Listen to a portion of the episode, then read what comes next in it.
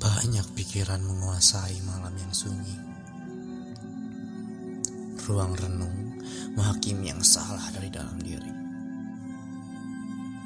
Terlintas dalam pikiran bagaimana bila ibu dan ayah pergi sebelum diri ini mampu membuatnya lapang.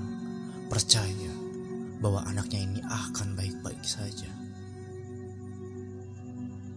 Jujur aku masih ragu pada diriku sekaligus belum mampu ditinggalkan oleh orang yang paling mencintaiku. Cinta yang tak pernah mengenal palsu. Tidak ada satu manusia pun di muka bumi ini yang lebih mencintaiku melebihi mereka. Kadang aku tamak mencari-cari cinta yang semu dan malah selalu membunuh diriku. Aku menyadari banyak waktu terbuang dengan mencari-cari sesuatu yang sebenarnya sudah ada sejak dulu.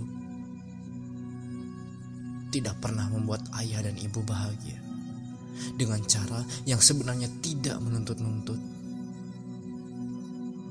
Maaf, Bu.